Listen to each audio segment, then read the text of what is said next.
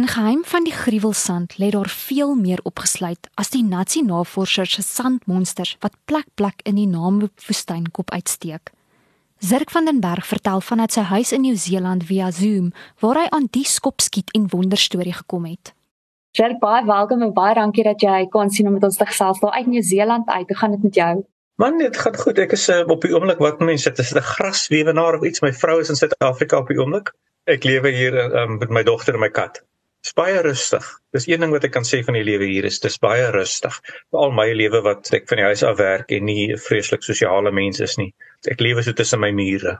En dan leef jy ook stories uit op papier wat jy dan vir ons as lesers gee om te geniet. Ek het 'n jaar gelede met jou gesels oor die onsigbare pou en nou daar pas weer 'n nuwe storie uit jou pen verskyn. Het jy eers na die onsigbare pou begin om aan geheim van die gruwelsand te werk of het die storie eintlik al voor dit begin vorm aanneem? Nee, hy is al baie ouer en ek gaan nou iets moontlik herhaal wat ek al van tevore gesê het, maar dit is nou die feite verander nie. Wat gebeur het is ek het die my Duits Wes trilogie geskryf en ek was aan die begin van die derde boek dit was hier vroeg in 2017. En toe weet dit ek het 'n oomblik van helderheid want ek kry nie eers die eerste boek verkoop nie en ek dink dis mos nog gek, jy weet om 'n derde boek te skryf as ek nie eers die eerste een kan verkoop nie. Ek moet dadelik stop en ek moet kyk liewerster wat het ek in my laaie wat lekker is, wat ek liewerster moet skryf. Eerste ding wat ek toe optel as ek wens ek wens en ek skryf hom toe baie vinnig lekker korter tin boekie. En die tweede een wat ek optel is hierdie storie. So ek het hom eintlik al in 2017 die eerste keer geskryf en en voorgelê aan 'n uitgewer. En hy is sedertdien al gaan hy so heen en weer tussen my en die uitgewer omdat ek so van half 'n agterstand gehad het uh, met boeke wat ek gereed gehad het en hulle wil nie meer as 1 jaar uitgee nie. Het hierdie boek nou maar sy beurt moes afwag. Hy sou aanvanklik verlede jaar verskyn het, maar toe maak ek onsigbare pou klaar en daar's toe 'n rede by die uitgewer hy intern hoekom hulle dink hulle moet daai boek eers uitgee. So toe mos hierdie boek nog 'n jaar oor staan. So die kort antwoord is hierdie boek kom eintlik af van 2017 af. So hy's nie splinter nuut nie en ek is ek is baie bly en verlig dat hy nou uiteindelik uit is. En kom ons gesels bietjie oor jou, kom ons sê jy het die boek opgedra aan CF Beyersboshoff. Vertel my bietjie oor die rol wat hy in jou lewe gespeel het en waarmee besluit het om 'n boek aan hom op te dra. Ek laat my vreeslik lei deur die idee van my storie. As ek 'n storie het wat meer ehm um, Ek het byvoorbeeld nou 'n manuskrip by uit by die uitgewers wat nogal meer ek wil amper sê literêrig is. Uh, man dit was die idee wat ek gehad het. Hierdie spesifieke idee het ek aan van die geheim van die gruwelsand. Het ek eintlik oorspronklik lank terug geskryf as vir 'n skoolleesboek. En die storie het op Mars afgespeel en ek het na die tyd toe ek nou sê vir jou sê ek het in 2017 hom opgetel te dink ek hier's 'n lekker plot hierin. Maar ek kan nie 'n boek skryf wat op Mars afspeel nie. En toe kry ek die idee om hom liewerster in die Namib te plaas want ek ken die Namib toe raak die nasie wetenskaplikes en skielik is die storie in 1942 en dis so kry sy lewe. Maar die die storie se inhoudelik leen hom mynsiens nie eintlik tot 'n vreeslike hoogdramende literêre storie nie, dis 'n baie lekker plot en dis 'n lekker storie. En toe dink ek dis die soort storie wat my laat dink aan C.F. Beyersbos se tipe stories. Jy weet ek weet nie of mense hom nou nog onthou nie, maar hy was het vreeslik radioverhale geskryf en hy het hier in die vroeë 70's rond veral net voor Suid-Afrika televisie gekry het hy die een treffer fliek na die ander geskryf. Wat groot was in Afrikaans, hy het selfs twee flieks geskryf wat in Amerika uitgereik is en wat onder die grootste geldmakers van hulle jare in Amerika was. Hy hy regtig jy weet hy was eintlik ek dink te goed vir Suid-Afrika. Hy hy kon 'n internasionale ster gewees het in die die die groot um, Warner Brothers of iemand in Amerika het my waarheid vir hom te sê 'n werk aangebied, 'n pos aangebied om by hulle te kom draaiboeke skryf. Maar in elk geval, hoe hy in my lewe gekom het is ek was op universiteit saam met hierdie meisie genaamd Lisa Boshoff en dit raak toe vreeslik verlief en op die ou en trou ek met haar op 'n baie jong ouderdom.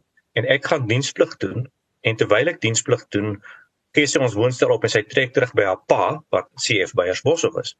En met die gevolg dat toe ek my diensplig klaar gedoen het toe trek ek by hulle in die huis en, en toe bly ek en hy en sy saam in huis vir ek weet nie hoe lank nie 'n klomp maande miskien 'n jaar.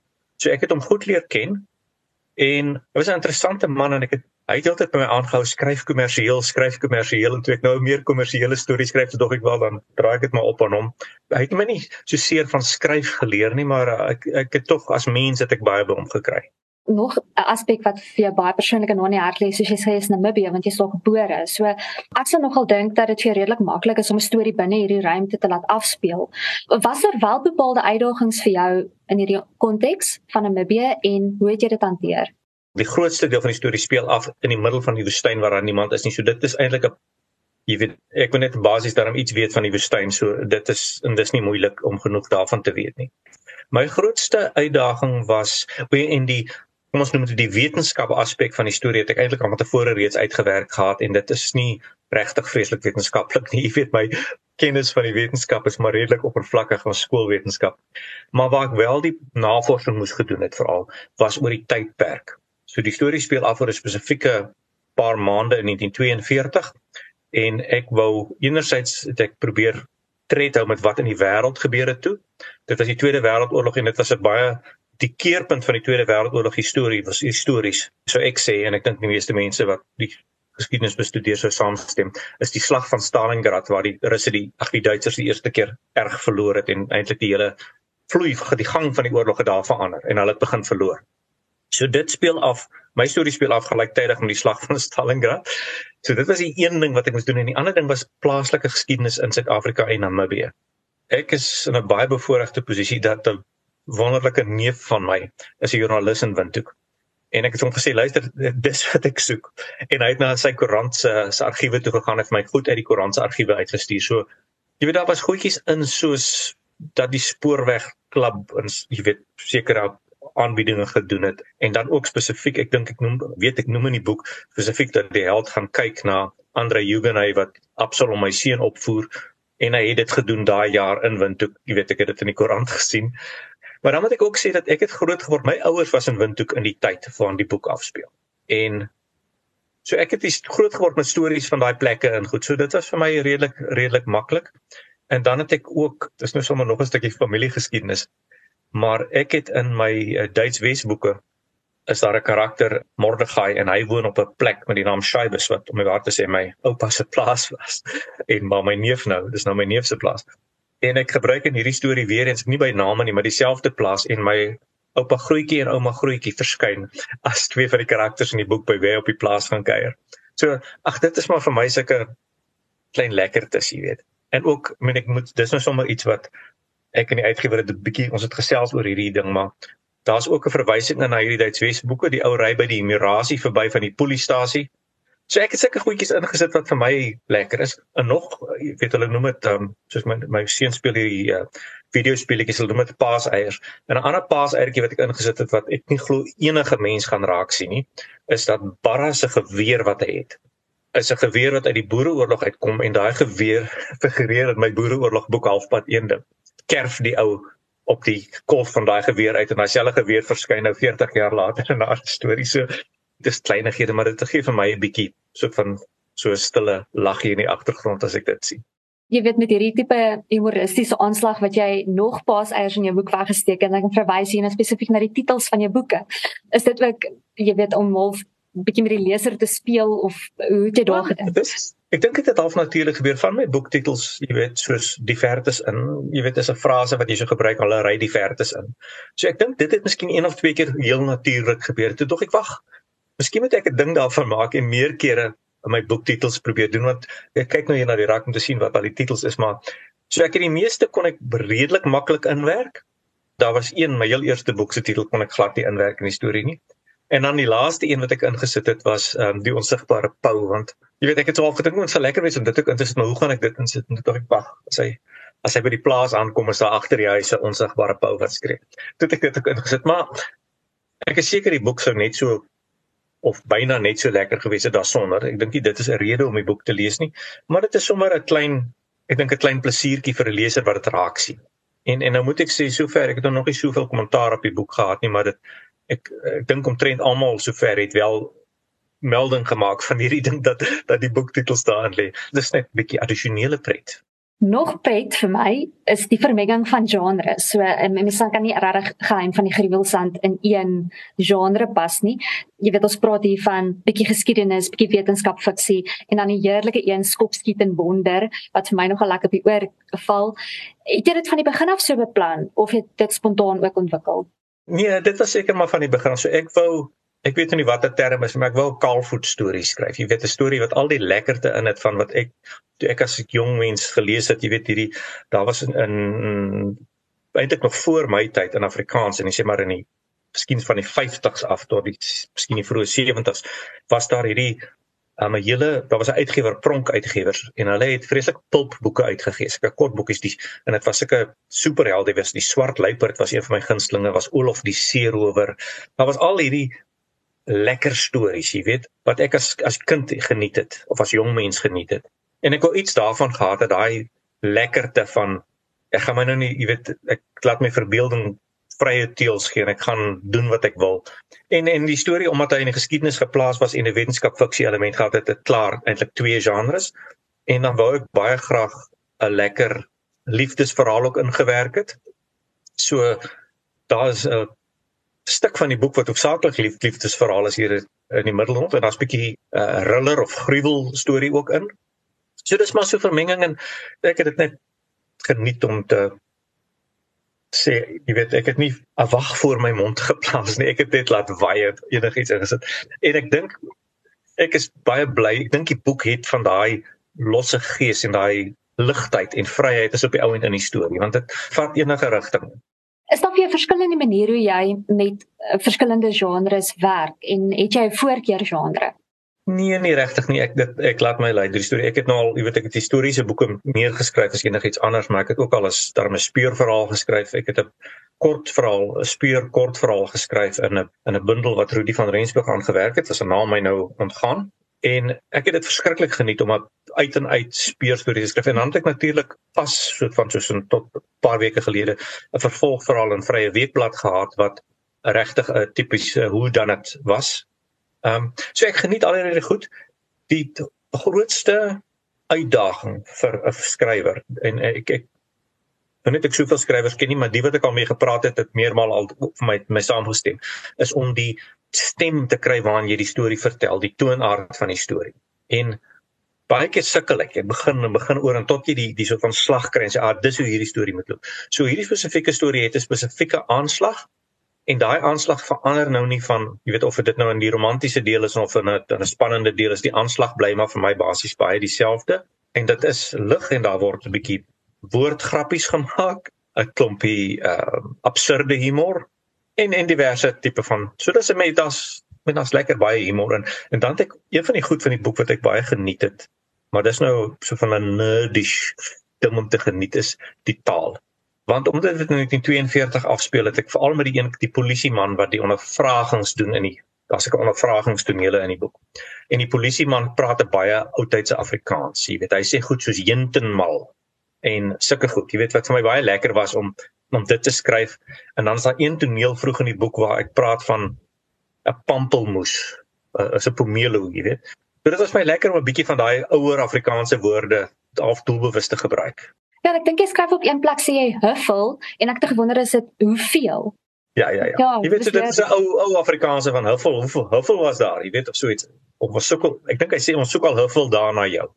Jy weet dit is maar 'n bietjie die boek is vir my 'n bietjie nostalgie en dit teruggryp na my eie na my eie leesplesier uit lank gelede. Ja, hy sê nee, ou kerel, ons het huffel weke lank na jou gestoek. Ek gaan nie die kans ja. vat dat jy weer wegkom nie ek het nie heeltemal 1942 Afrikaans geskryf nie want net hierdie hierdie ehm um, koerantknipsels wat ek gekry het by my neef.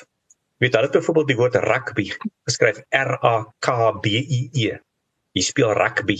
Ek sou nie regtig in daai taal kon skryf want ek dink dit sou met huidige lesers vervreem het.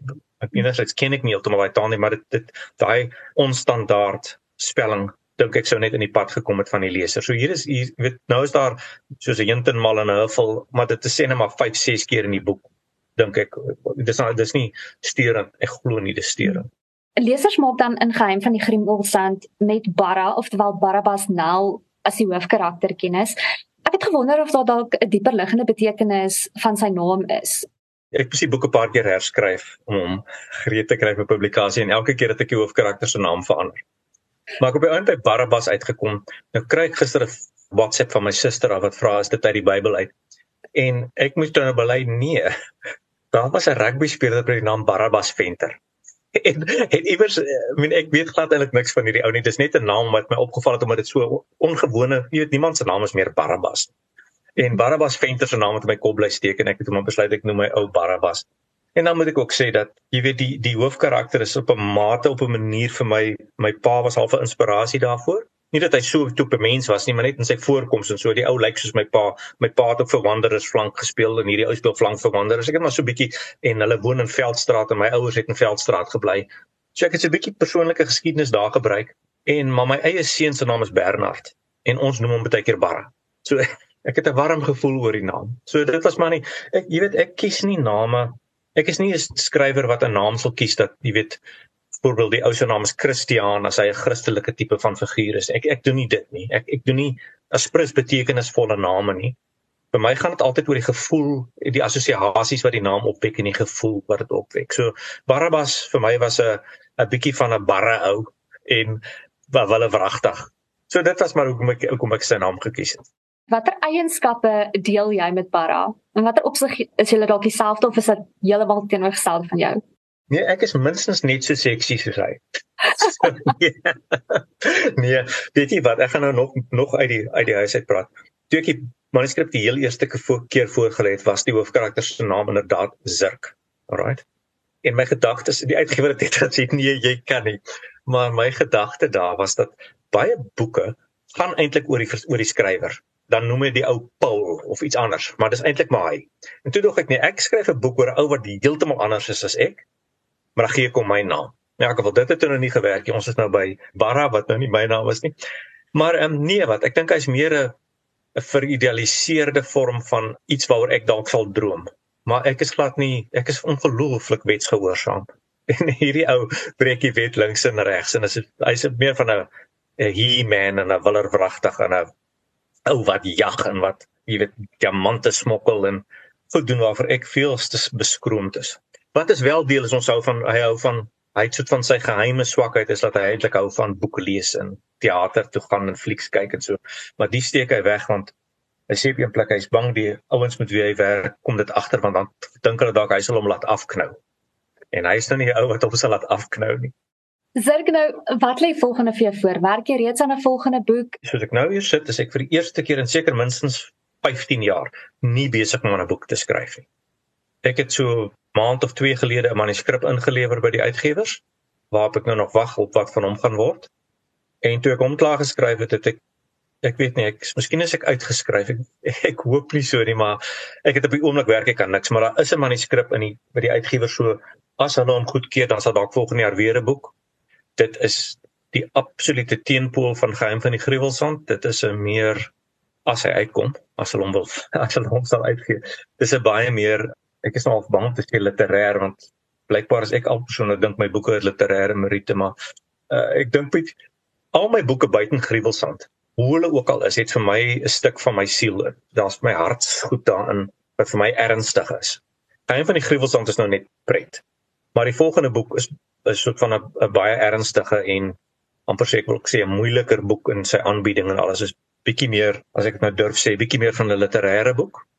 Uh maar nou ja of of hy gaan uitkom dit weet mens natuurlik nie want dalk ek is in die hande van uitgewers en hulle keerders. Ek sal maar sien wat sê hulle